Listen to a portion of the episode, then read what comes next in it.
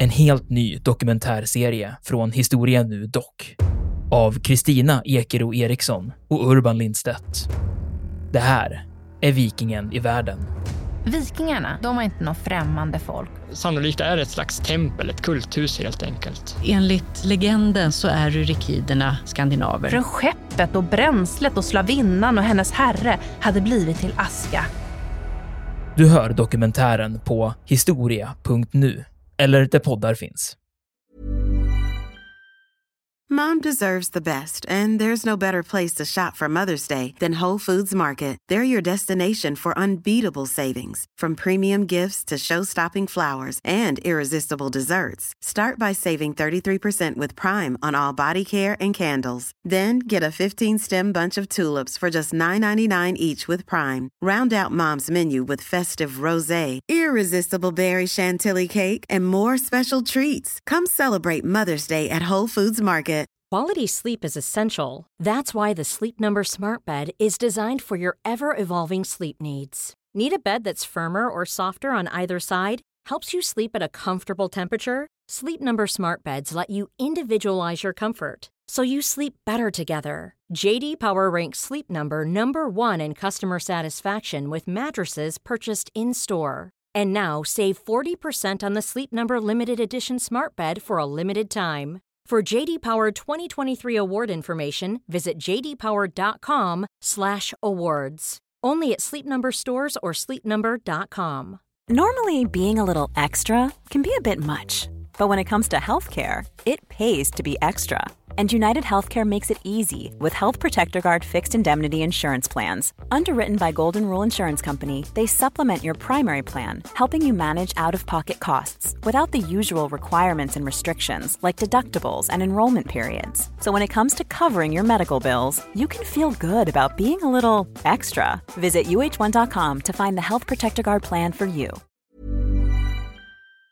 Jag är övertygad om att de här krigslagarna har stor, har stor betydelse, till och med stor betydelse. De eh, är förebyggande. Det finns kryphål. Eh, Man förbjuder då biologiska ga gasvapen 1925. Visst, det används, används ändå och sen senare ändå. Men det finns ändå en hämsko. Och, och när du säger att man i Nürnberg så är det segrarna som, som dömer eh, eh, eh, de som är besegrade. Det är alldeles riktigt. Det, finns ju en, väldigt sån där upp, upp, uppdriven diskussion om att det var retroaktiv lagstiftning. Det, det håller inte riktigt därför att de här lagarna finns ju. Tar vi de som döms för brott mot krigets lagar, då finns ju den lagstiftningen redan. Det, det har vi redan gått igenom.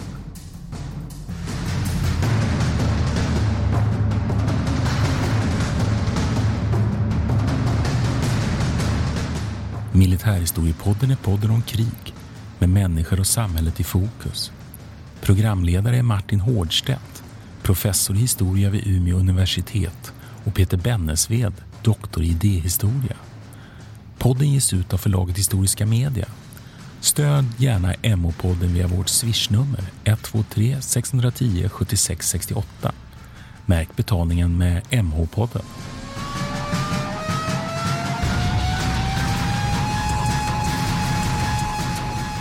Ja, välkomna till Militärhistoriepodden. Det här är Peter Bennesved. Och jag heter Martin Nordstedt. Idag Martin har jag ett litet scenario till dig som jag tänkte du ska få svara på. Ah. Här på stående fot bara. Säg, säg eh, vi, liksom, eh, ett fiktivt scenario här nu. nu har, säg att du har två söner. Eh, och de är i, i lämplig ålder för militärtjänstgöring. Och så bestämmer de sig för att gå med i två arméer som eh, är i krig med varandra. Alltså på varsitt håll. Du själv eh, kanske sympatiserar med den ena sidan mer än den andra. Det spelar inte så stor, stor roll. Men eh, du har ju fortfarande en av så att säga, vardera, en, en son i varje läger. Har du någon, eh, hur, hur skulle du eh, vilja, om du fick liksom chansen att lägga upp ett, ett antal regler för hur det här kriget skulle föras. Vad skulle du eh, vilja trycka på då? Ja, men det, det, det är ju faktiskt så att det scenario som du nu nämner är ju inte, är inte helt orealistiskt faktiskt. Därför det har ju förekommit i historien. Det är ju så att man har haft eh, amerikanska inbördeskriget till exempel. Inbördeskriget i Finland och så vidare. Eh, nej men spontant så, så tycker jag ju att det som är oerhört viktigt är ju dels att man den här proportionalitetsprincipen tycker jag alltid är viktig, att man inte utövar mera våld än nöden kräver. Den är väldigt betydelsefull och vi har ju anledning att komma tillbaka till det här idag.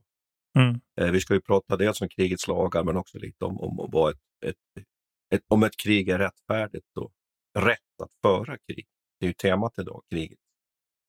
Lagar i relation till, till internationell rätt och naturrätt. Och det, det är en sak som, man, om jag skulle få välja en sak, Mm. att kriget ska, att, att inte utöva mer våld än nöden kräver och att inte åsamka mer lidande än nöden kräver. Och sen kan man ju då naturligtvis bryta ner det här i en massa olika detaljregler, men det tycker jag är, den viktigaste principen. Och så Mm. tänker jag också faktiskt som, som militär.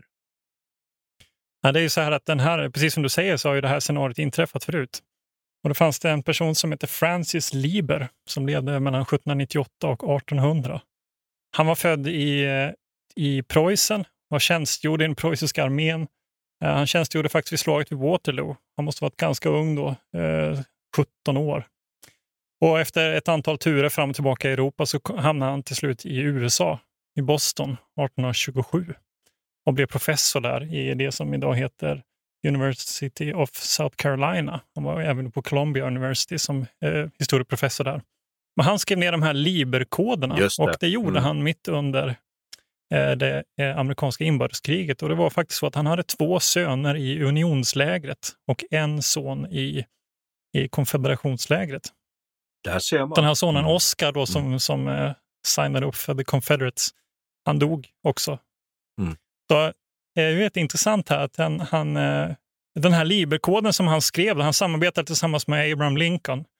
Eh, Och den här eh, Liber-koden blev ju egentligen allmänt betraktad som liksom starten för internationell krigslag, kan man säga. Eller den moderna varianten har ju funnits sådana här regler och principer förut. Men det här är liksom första gången som det egentligen nedtecknas på något eh, mer rationellt sätt. Och den här är också, det är också Liberkoden som sen sprids till Europa och ligger till grund för många av de här traktaten som vi kommer snacka om i det här programmet. Och att det blir, som jag minns rätt här nu så är det ju så också att han är 18, det blir en handbok för den amerikanska krigsmakten 1863. Och vi Precis, det är så det ja. börjar. Och vi vet ju att inbördeskriget är, så finns det ju många problem bland annat med behandling av krigsfångar och frågan om eh, bland annat våld mot civila. Men det var inte det som det här nu då specifikt handlade om utan det var ju helt enkelt lagar mellan Men det- kombatanter. Nu är vi direkt inne på ett begrepp här. Kombatanter, Mm. krigförande, stridförande.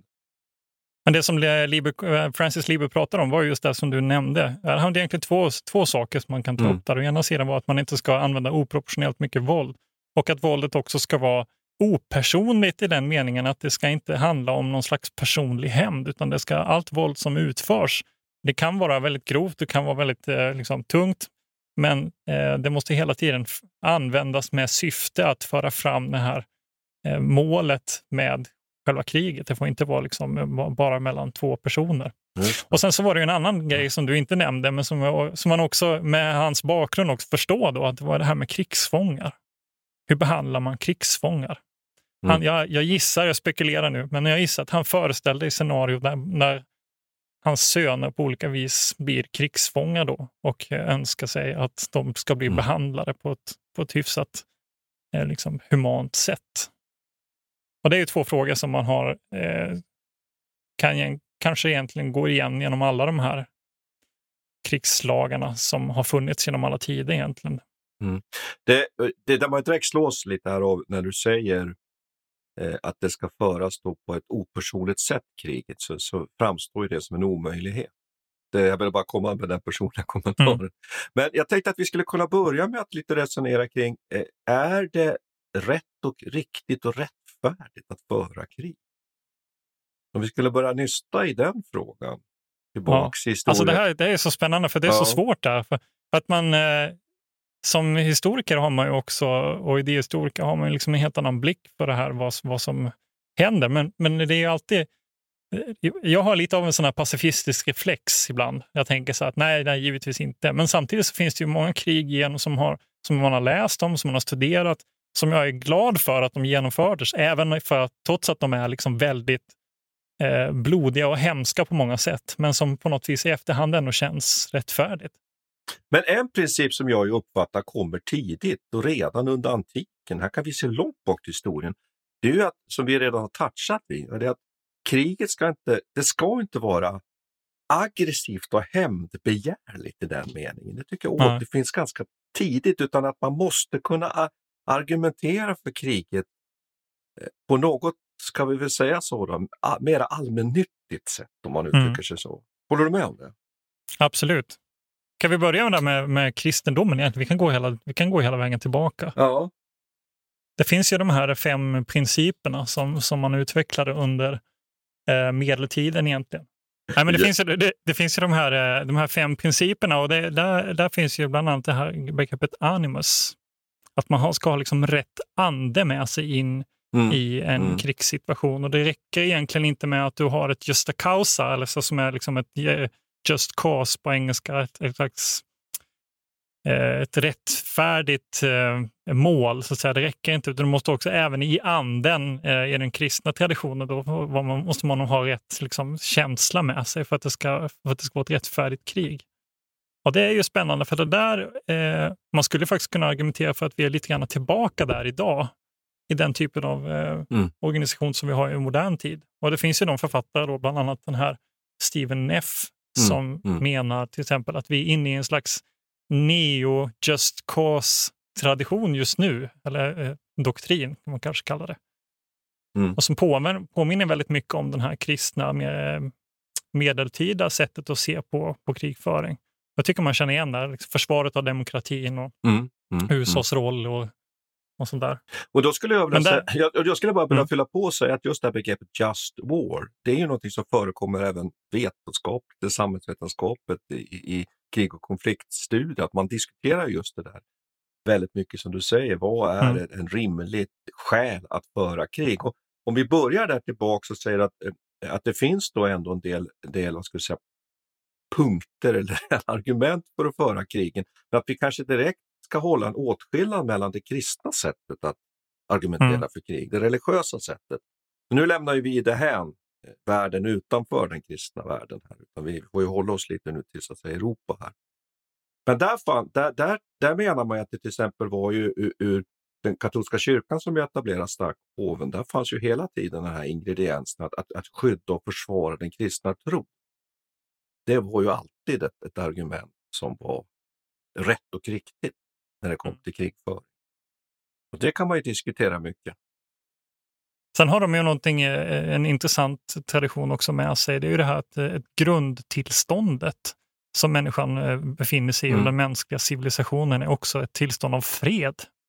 Att eh, man ser på krig som ett slags eh, ett, ett, en, en avart Mm. eller en, en, eh, ett tillfälligt ont. Någonting som, som man egentligen, och det, det är någonting som grundar sig egentligen i bibeltolkning då, de här, och hur man tolkar Jesus budskap. Och Det här tycker jag är något väldigt intressant, för jag vet inte hur, hur intresserad du är av, av eh, den kristna historien, men någonting som, som, eh, som jag har lyckats läsa mig till är att man att den här pacifistiska ådran som, som ändå finns i kristendomen som har förts fram av många kyrkofäder eh, också grundar sig i ett behov av att blidka den romerska staten under kristen, eh, kristenhetens liksom absoluta ursprung.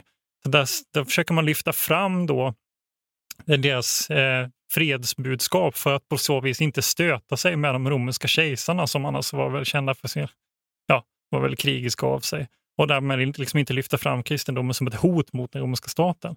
Och där, där ur kommer egentligen, då föder man alltså det här eh, just cause, rättfärdiga kriget, doktrin egentligen.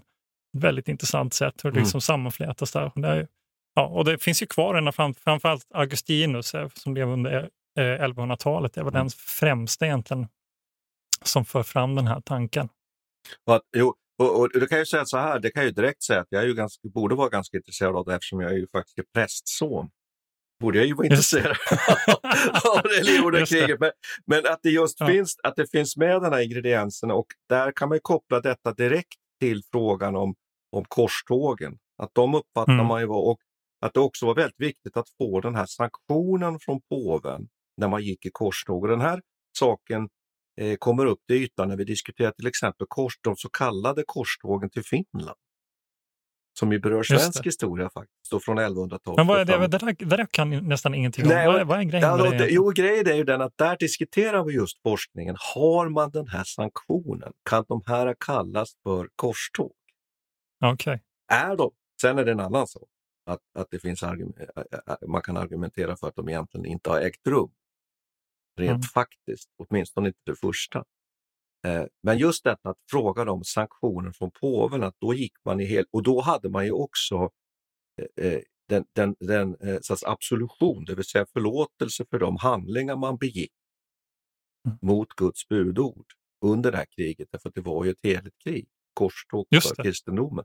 Så det här är ju ja, en viktig sak mm. som du är inne på, att, att det är en sak som har förekommer i kristenheten och jag tänker vi har ju haft, haft avsnitt här, till exempel om slaget vid Lepanto. Så det är någonting som ju helt tydligt ingår och rättfärdigas i den, i den kristna världen under medeltid men också under tidig modern tid.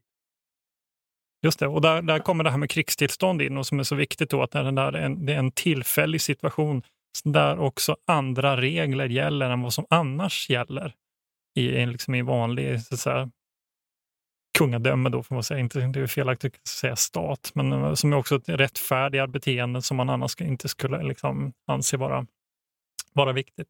Och, och, en annan ja. intressant sak eh, med, med den här kristna traditionen är också att eh, den här roten som man har kvar i naturlagen, det vill säga det är en slags eh, naturlag idag känns, det låter närmast naturvetenskapligt på något vis, eller kanske mer naturrätt, är kanske mm, bättre ord mm. egentligen översättning på svenska.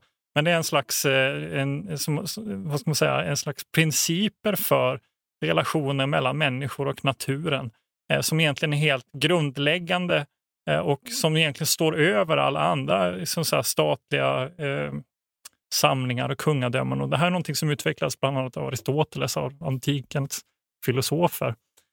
Men där är också, eh, det finns en intressant koppling här.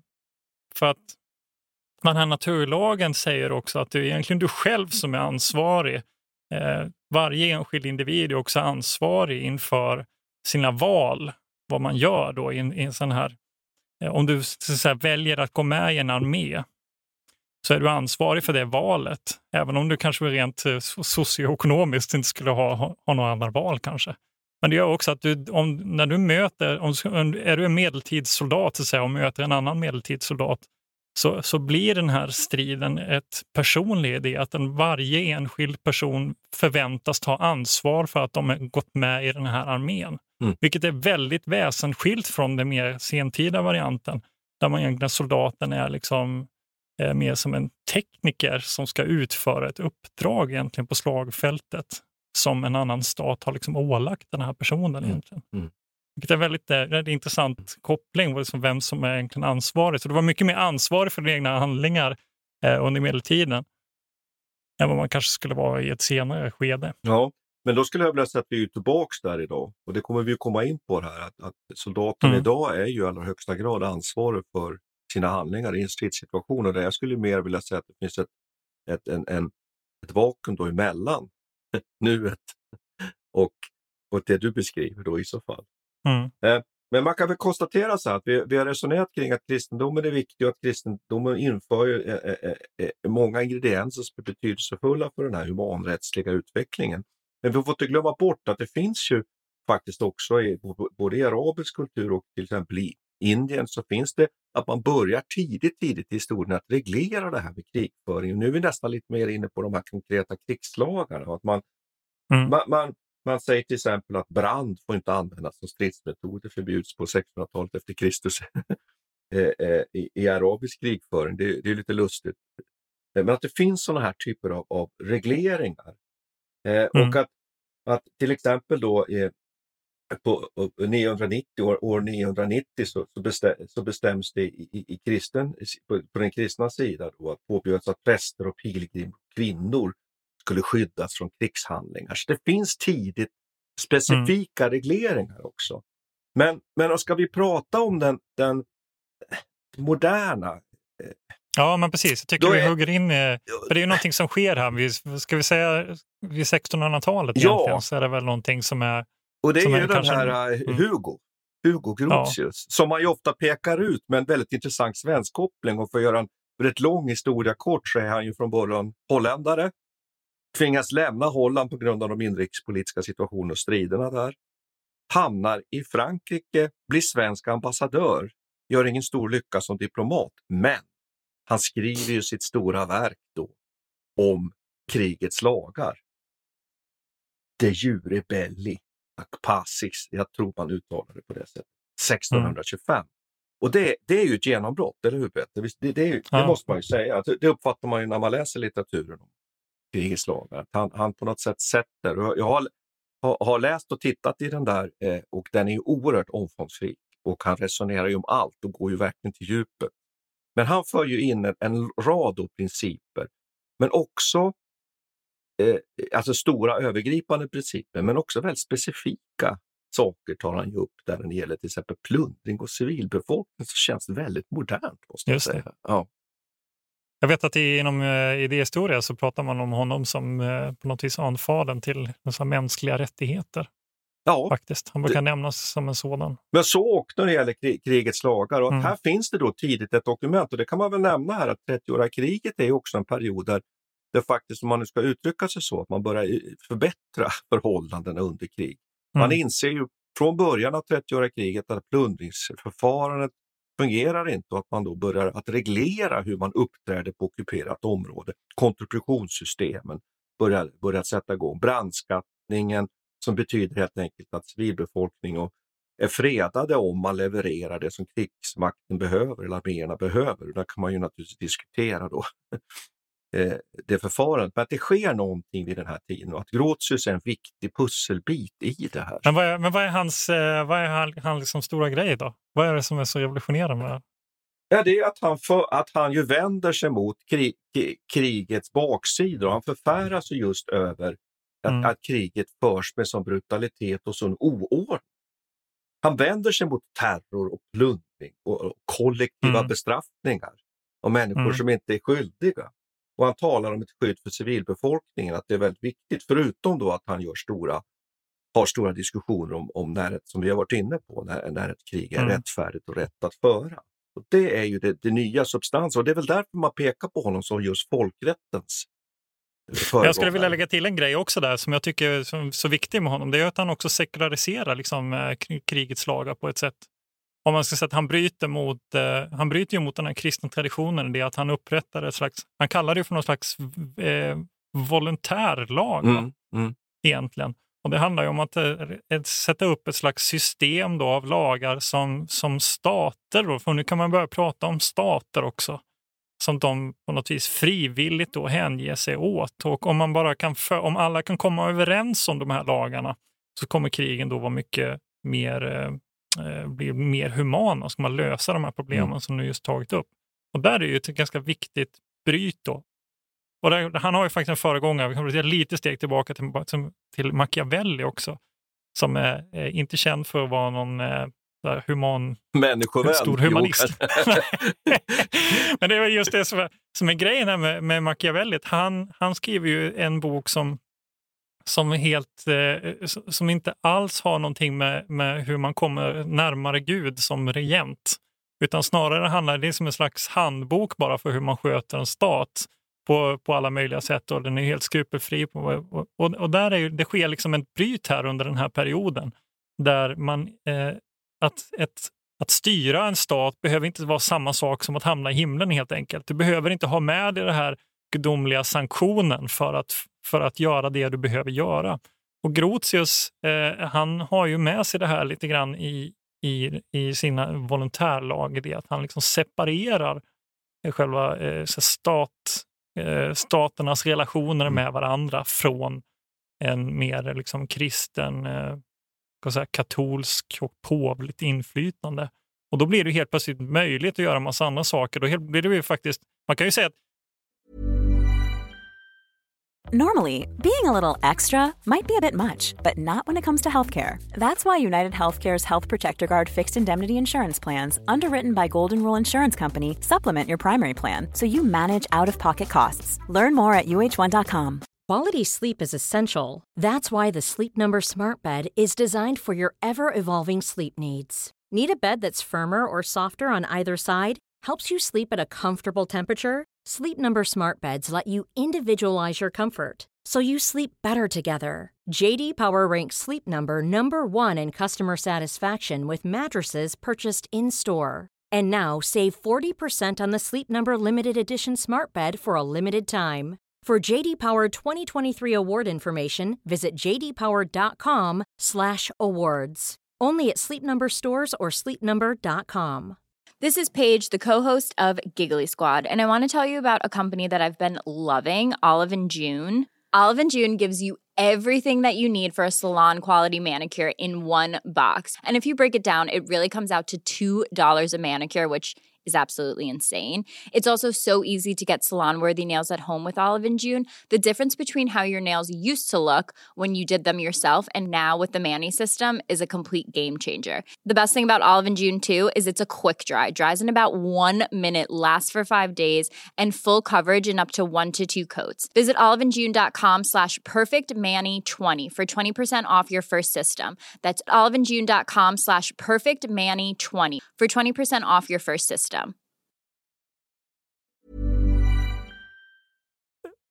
Om man ska vara rent krass och cynisk kan man ju säga då att han helt enkelt öppnar för en allmän militarism också. Att han helt enkelt gör det möjligt att, eh, eh, för stater att liksom använda sig av krig på ett, som ett politiskt eh, redskap mer Mm. än som eh, en, en, och har liksom helt skriva bort de här just cause-principerna. Jag vet, det är provocerande kanske att säga så. Nej, men, nej, visst nej, nej, men jag, jag, nej, men jag följer med dig och jag tycker att, att eh, det är ju Machiavelli skriver den här boken Fursten där han ju egentligen beskriver Ja, ja, precis, må- Fursten, målet, där målet helga medlen och, och, och sådana här saker. Men det är Mm. jättespännande att här ser vi då en klyvning. Att här går man, och, eh, men Grotius har ju, har ju med den här naturrättsprincipen att det finns vissa rättigheter som människan har. Ja, just det. Och att Mm. det sen, från den här vägen, att man får nu en, klyvning från bort kanske den, även om Grotius ju och, fortfarande sätter ju in det här i den kristna, en kristen dimension. Han är ju för kalvinist och så vidare. Och med i de här religionsdiskussionerna religions, eh, diskussionerna i Holland. Det är därför han får lämna Holland för övrigt, han hamnar på fel sida. Men i alla fall så att sen händer ju någonting att de här naturrätt, det byggs ju vidare och blir ju sen upplysningens, liksom ett av fundamenten i upplysningen sen den här alla människors ovillkorliga rättigheter. Så det är ju någonting som vi också kan ha med här. Det finns ju med nu i den västerländska traditionen. Mm. Men jag vet inte, om vi skulle steppa vidare här nu, så kan man väl Mm. säga att nästa egentliga steg, det, det eh, är ju det som sen händer egentligen i mitten av 1800-talet med Henri Dunants upplevelser när han kommer till slagfältet vid Solferino 1859, på sommaren 1859 och ser soldaternas lidande. I den varma hettan lämnas soldaterna utan hjälp. Det finns ingen sjukvårdsorganisation eh, eh, överhuvudtaget. Fransmän, it- italienare eller, eller skulle man väl egentligen säga sardinare eller piedemonesare och österliggare ligger bara och dör. Och han tar initiativ då, skriver en skildring, Minnen från Solferino. Fantastisk skildring som sen då triggar och resulterar då i 1864 års eh, Röda Kors-konvention. Han är ju schweizare. Eh, och där brukar man ju säga då på något sätt att den här humanitära rätten får sitt moderna avstamp. Mm. om man då säger. Det, det är intressant att det sammanfaller precis med Liberkoden som jag, Ja. som jag inledde programmet Ja. med. Som kommer 1863. Precis. Mm. Att det, det, är- det är som att det ligger någonting i luften här. Ja, det är den samtida. Det är samtida. Ja, Att det finns, som du säger, då, någon form av inom militär, kan man uttrycka det så, i, i USA då, där man sätter upp vissa krigets lagar. Sen kommer den här mera civila sidan in med, med Henri Dunant.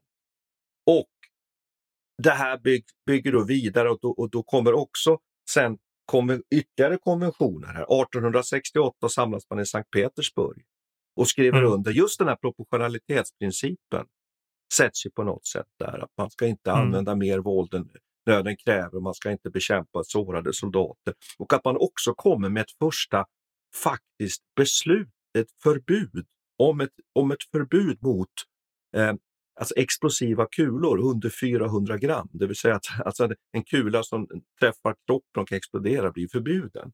Så här Men börjar, nu, och- nu ja, rullar just ju så att säga folkrätten igång här. Va? Men varför, är det, varför tar det liksom till 1800-talet då? Det är det man, den här diskussionen har ju pågått då, som vi precis har liksom gått igenom. Det har ju pågått sedan antiken egentligen eh, på, Mm, på olika sätt. mm. Men varför är det, vad är det som, som kickar igång under 1800-talet som gör det så... så eh, jag tänker, vi har ju också liksom revolutionskrigen här i bakgrunden. Det hoppar, du, du, du bara hoppar över den. Mm. Ja, jag tänkte, det var ju den egentligen ganska vis? förvånande att jag gjorde. Där brukar vi ju, Ja, fa- när där brukar vi ju fastna annars. För där har vi till exempel, om man då ska vara eh, deklarationen i Pillnitz, Mm. eh, som på något vis är en slags humanitär insats, eh, ett slags traktat om en humanitär insats som egentligen inte, det blir ju inte så mycket av dem. Det tar ju ett tag sedan innan, innan habsburgarna väl bestämmer sig för att göra någonting. Men där har man ju också en slags embryo till det som vi, sådär rättfärdigt krig och, och Mm. eh, Mm.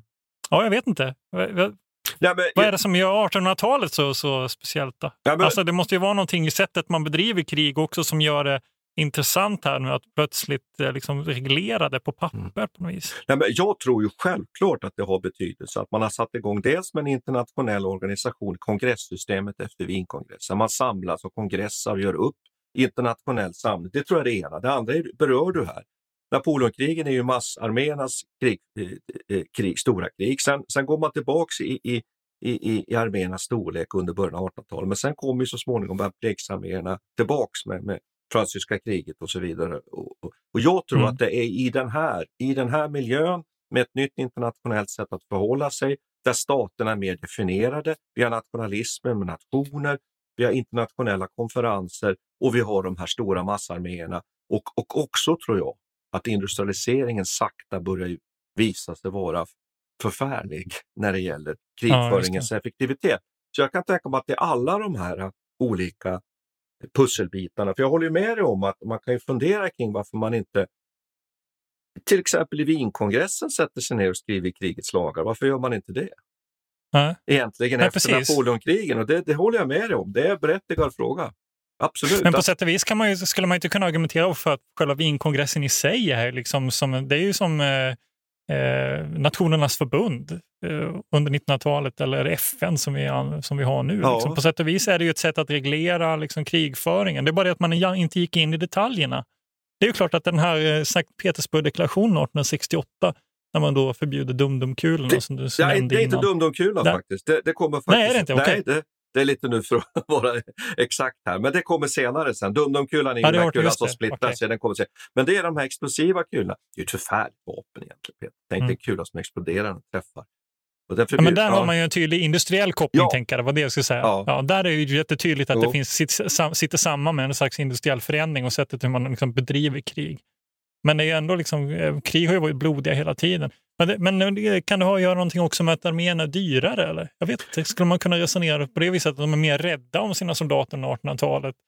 Nej, jag, Samtidigt blir ju arméerna större. Nej, jag nej, jag tror också att det har att göra med utveckling mot medborgarskap. Det har, det har att göra med att Mm. människan, som man nu får uttrycka sig så eh, lite slarvigt, att människans ökade vä- värde och hänsynstagande till den enskilde individen och sådana saker tror jag också spelar in här plötsligt. Att, att eh, 1800-talet, Napoleonkrigen i alla fall, de, det, det förs ju fortfarande med undersåtsarméer om man uttrycker sig så. Okej, det är medborgare i franska, i franska armén och så vidare, men jag tror att det är någonting där också som händer. Det händer ju så oerhört mycket under 1800-talet.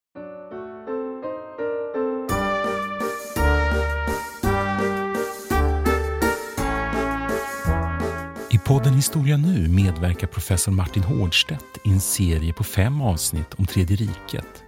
Från rötterna i slutet på 1800-talet fram till krigsutbrottet 1939. Vi går på djupet om en av de mest våldsamma och politiskt bisarra regimer Europa upplevt i modern tid. Sök efter Tredje riket och Historia nu i din poddapp eller leta vidare på vår hemsida www.historia.nu.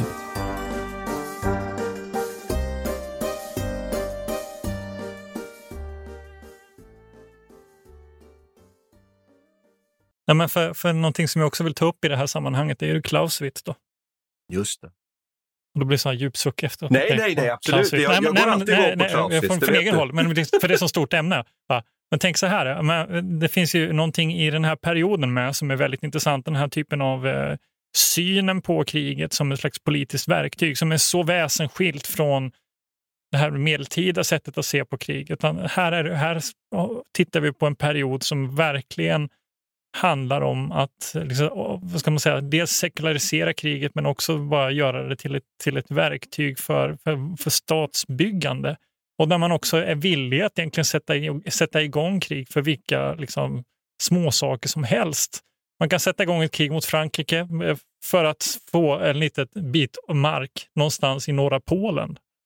För att det här, liksom, eh, den europeiska konserten pågår hela tiden och man liksom avger markområden för varandra. Och är liksom, eh, vad är det här Peter den stores, han blir förolämpad i Riga och startar krig mot Sverige. Finns det inte någon sån här myt också?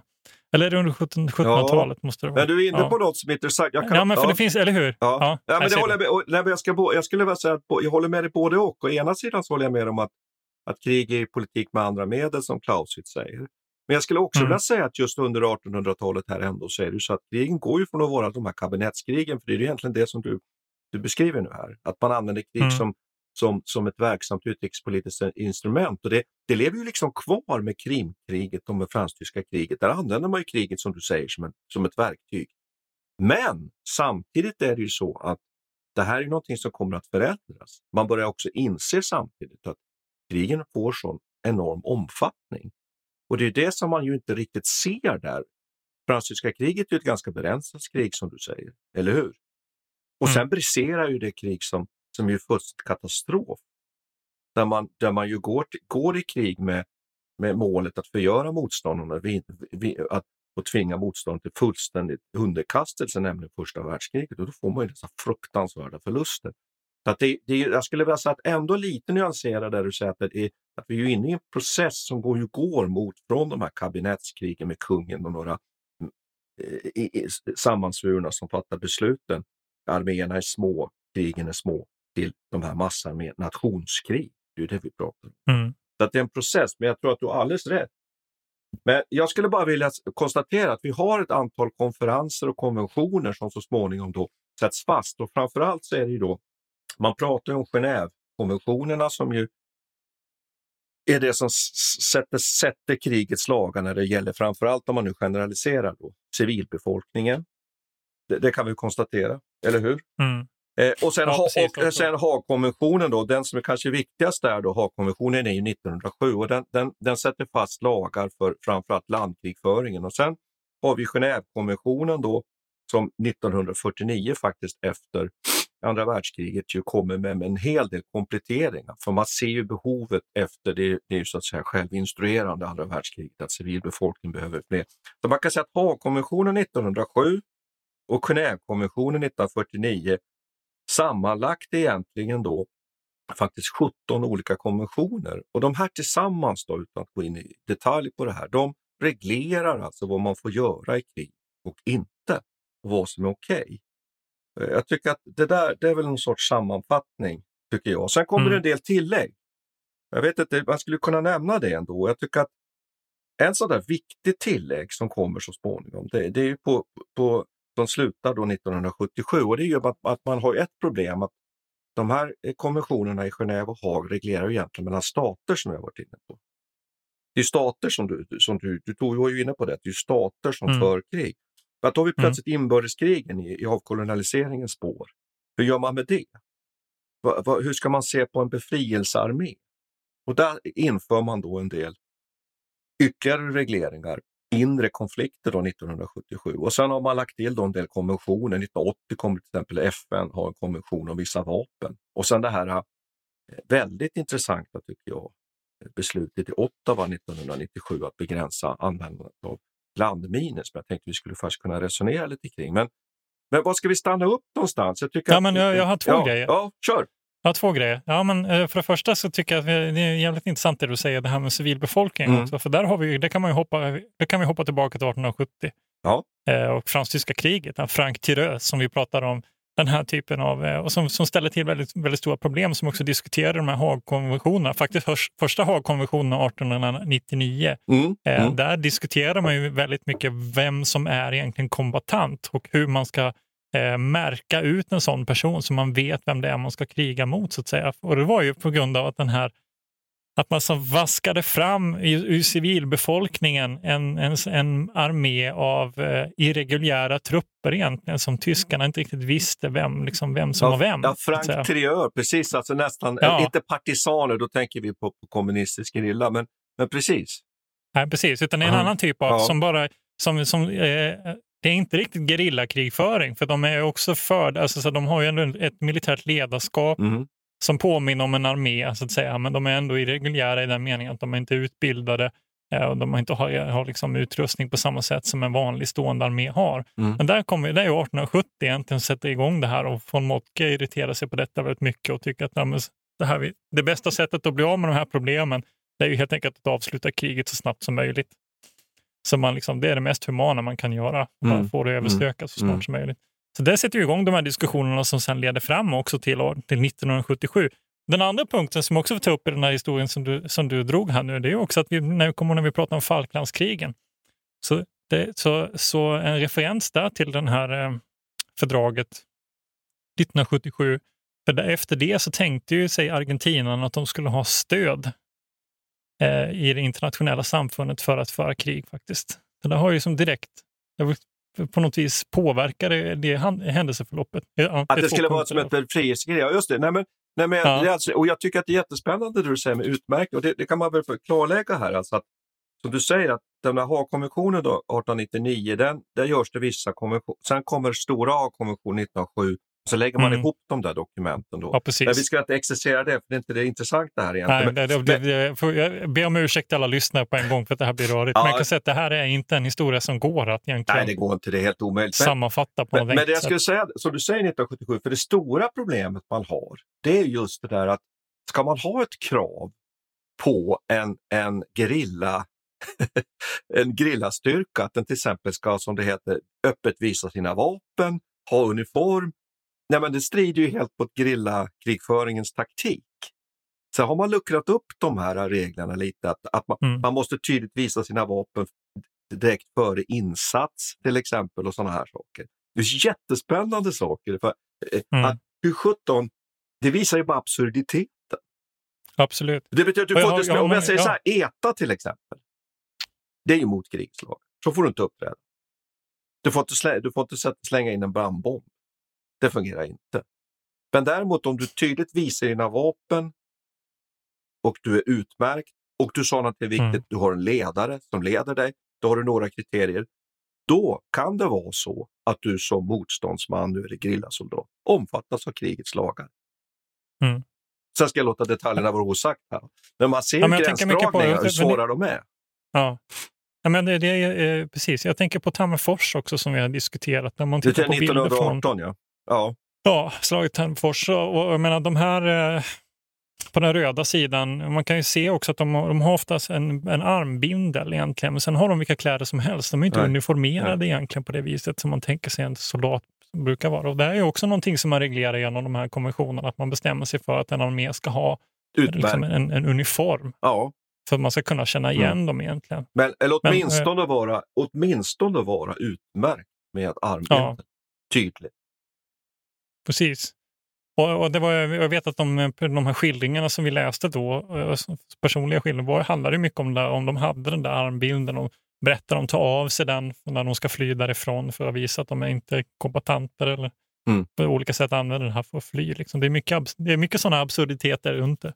Och, då Eh, vill jag ju tillägga det, att det är ju därför det är så viktigt att man bär en uniform. Och när man bär en uniform då är man plötsligt, och då är man plötsligt kombatant. Då är man kombatant, då omfattas man av krigets lagar dubbelverkande. Både att man, man är skyldig att, att, att, Mm. att, att verka i enlighet med dem, men också att man har ett skydd. Mm.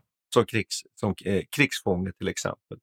Eh, men här är vi ju inne nu tycker jag på, på kanske också de fall där krigets lagar har, har funnits anledning att döma eh, personer i, i enlighet med krigets lagar. Det här kommer vi in på någonting som är mycket svårare.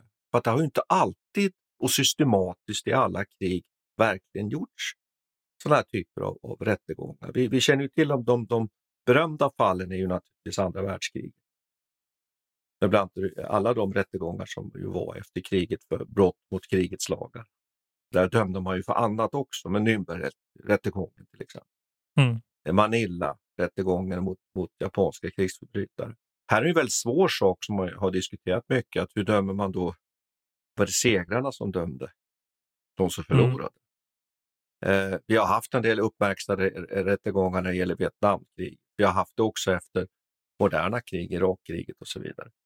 Och här kommer vi in på väldigt svåra saker. Men en sak som jag skulle vilja lyfta fram, förutom att det då har varit svårt att få folk inför rätta, det gäller ju också till exempel inbördeskriget i Jugoslavien, och sådär. men det är ju att det som vi lär oss i de här rättegångarna efter andra världskriget, det är att det går inte att hänvisa till att man har lidit order. Och det Ja, är en väldigt viktig princip. Ja, det var lite det som vi pratade om också, den här medeltida varianten. Det var ändå liksom i slutändan så är det, är Ja, du personligt det var det ansvarig. som jag gjorde, med, gjorde kopplingen här, att man är tillbaka i en sån situation. Att det betyder ju det att om jag, om jag, som, som, om jag som befäl ger order till en soldat att begå en handling som strider mot folkrätten, så, så då kan han inte sen säga ja, men, men löjtnant Hårdstedt gav order till mig och därför, eh, och därför borde jag vara förmildrande omständigheter. Och det lär man sig tydligt, för det är så man lägger upp till exempel försvarsadvokaten till, till Keitel som var en av de högsta militärerna i, i den tyska eh, krigsmakten under andra världskriget. Han hänvisar ju till det där, försöker komma, ja men han fick ju order. Han fick ju order. Jag kunde inte motsätta mig de här orderna. Och det höll inte i slutändan. Ja. Och det tycker jag är en viktig, vik- väldigt viktig princip som ju också mer har vuxit fram genom de här rättegångarna än att eh, de finns direkt nedskrivna, tycker jag. Here's a cool fact a crocodile can't stick out its tongue. Another cool fact you can get short term health insurance for a month or just under a year in some states. United Healthcare short term insurance plans are designed for people who are between jobs, coming off their parents' plan, or turning a side hustle into a full time gig. Underwritten by Golden Rule Insurance Company, they offer flexible, budget friendly coverage with access to a nationwide network of doctors and hospitals.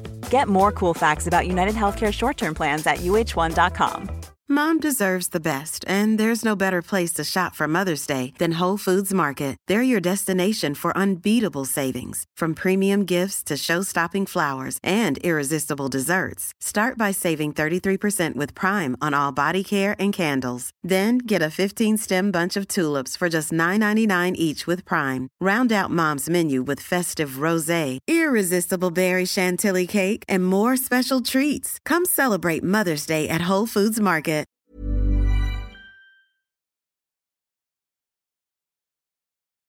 Men du, om jag får... eh, Som en, en, om vi lyfter frågan ännu, ännu högre upp. Går, det- kan vi lyfta högre? Kan vi? Ja, nej, men jag tror det. Jag, jag tror det. Nej, men det funderar, funderar på också, det är ju så här, har de någon...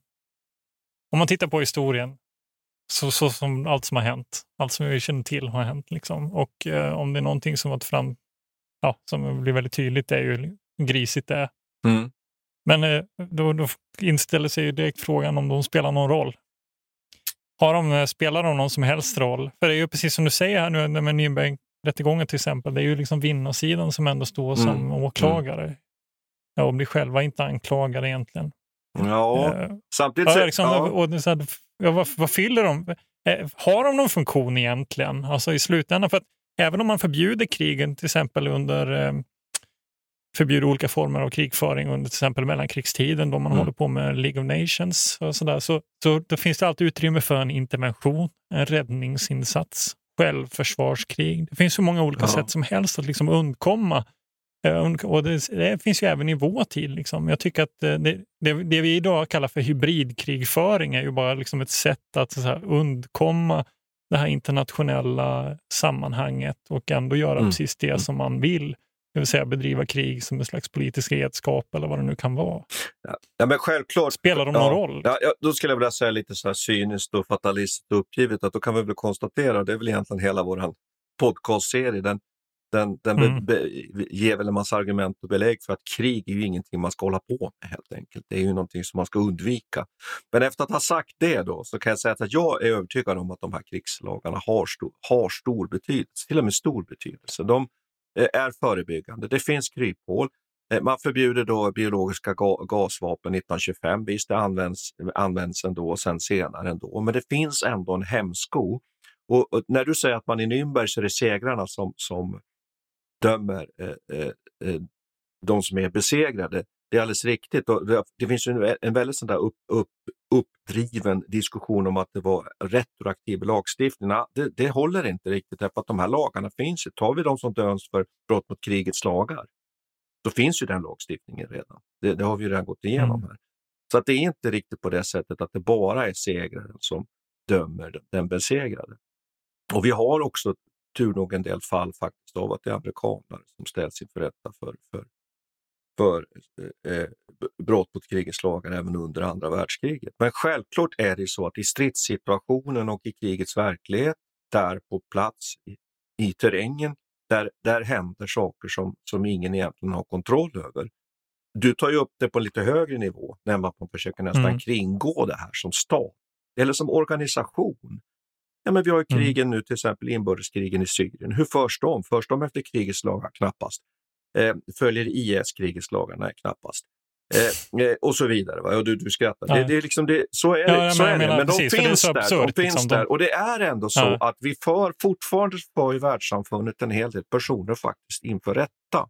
Och det tycker jag är hoppfullt. Och jag tyck, tänker nu på min egen erfarenhet av militärkrigföring, att de här krigets soldatreglerna som, som man ju faktiskt lär ut till soldater, mm. det finns fortfarande. Där är ju den här proportionalitetsprincipen distinktion, att man, att man skjuter inte på precis vad som helst, man tänker sig för. Krigsfångar, skjukade och sårar, eh, skydd för symboler, till exempel för Röda Korset. Allt det här utbildar man ju tydligt i. Och jag, jag kan ta upp, mm. ta upp en annan fråga, det här med min, minkrigföringen som har varit väldigt på tapeten. Att då kan man, kan, man tycka, kan man ju tycka då att varför ska Sverige, ett land som Sverige och Finland till exempel, varför ska inte vi få använda trampminor? Vi ska ju försvara oss mot ett eventuellt stormaktsanfall. Men, men ändå så diskuterar vi till och med i våra länder att vara återhållsamma och har ju formellt förbud mot den typen av, av vapen. Även om man kan ifrågasätta det. Jag ska bara säga det, du hör att jag är engagerad ja. här. Därför att det är kanske det mest effektiva sättet faktiskt att, mm. att slåss mot en stormakt, nämligen att bedriva minkrigföring. Men trots det och Det beror ju på att man vill inte ha miner ute i terrängen därför att det dör ju så oerhört många och skadas ju så oerhört många civila i sådana länder mm. sånt har förekommit, till exempel i Vietnam, nere i, i Afrika. Så att mm. jag tror, och det är min övertygelse, att det har betydelse. Men, men, men du är mer pessimistisk. Ja, väldigt, jag måste säga att jag är imponerad av din eh, hoppfullhet.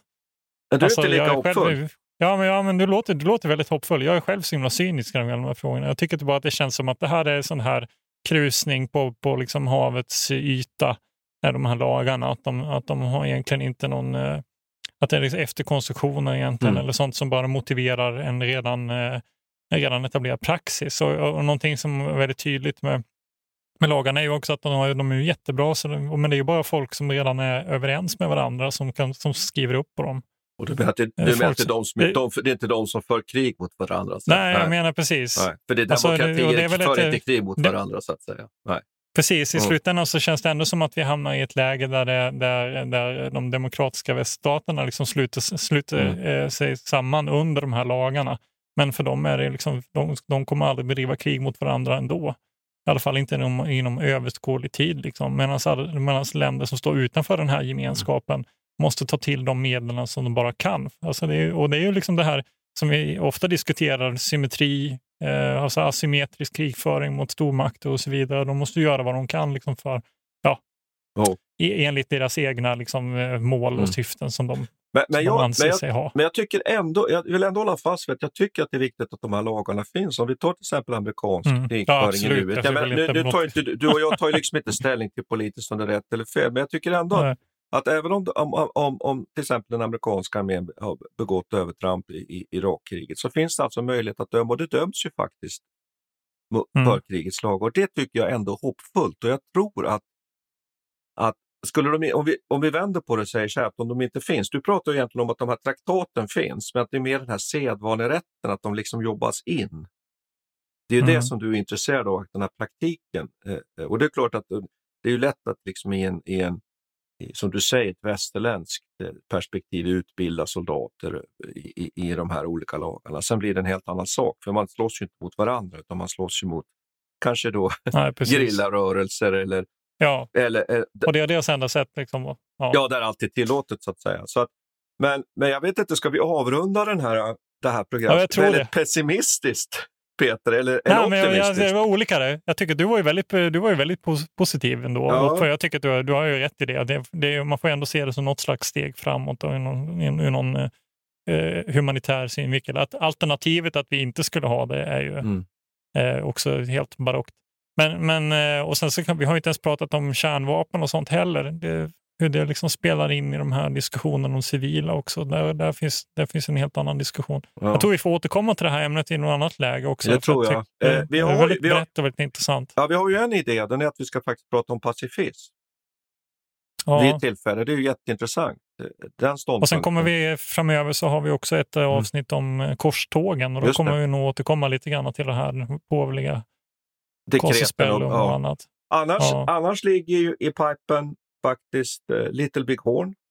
Just det. Des, de det som- kommer bli en klassisk Det Martin kommer bli, Horstedts kommer bli avsnitt. där, mycket tror jag. klassiskt. Eh, eh, och annars Ja. så får vi väl helt enkelt nu här från ett eh, soligt, kallt och snörikt Tavastehus så får jag tacka Ja. för mig och du får tacka för dig från Ja, men det är samma sak här i Umeå faktiskt. Kallt och snörikt Mm. och soligt. och på återhörande Tack. och tack för att ni Mm. lyssnade som vanligt. Vi tackar historikern Martin Hårdstedt och idéhistorikern Peter Bennesved. Producent är Urban Lindstedt. Militärhistoriepodden ges ut av bokförlaget Historiska Media. Stöd gärna MH-podden via vårt swishnummer 123 610 76 68. Märk betalningen med MH-podden.